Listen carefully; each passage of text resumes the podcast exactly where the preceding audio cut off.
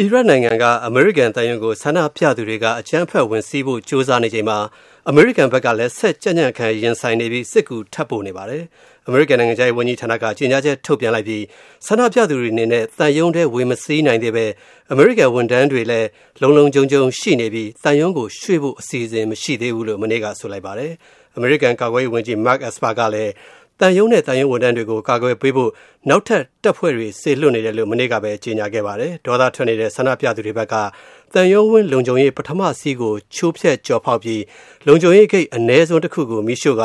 တန်တရင်တွေလမ်းပြမှတ်တိုင်တွေကိုသုံးပြီးတန်ရုံးရဲ့တန်မဏိတကားကြီးကိုရိုက်ဖွင့်ဖို့ကြိုးစားနေကြပါတယ်။အီရတ်ဆိုရလုံခြုံရေးတပ်ဖွဲ့တွေကတော့ဒီဆန္ဒပြသူတွေအခုလိုတန်ရုံးနဲ့ချိုးဖောက်ဝင်ရောက်ဖို့ကြိုးစားနေတာကိုဝေမတားပေးဘူးလို့အီရတ်သတင်းမီဒီယာတွေကဆိုပါတယ်။ အမေရိကန်နိုင်ငံခြားရေးဝန်ကြီး Mike Pompeo အနေနဲ့လည်းအီရတ်ဝန်ကြီးချုပ် Abdel Abdul Mahdi နဲ့အီရတ်သမ္မတ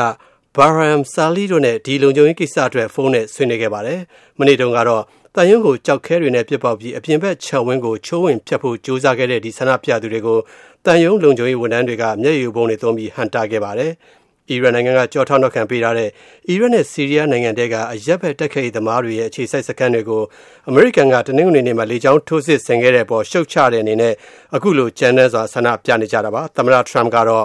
အခုလိုဆန္ဒပြသူတွေတန်ရုံးတဲ့ဝင်စီဖို့လုပ်တဲ့အပေါ်အီရန်နိုင်ငံကိုအပြစ်ဖို့ထားပါတယ်ခင်ဗျာ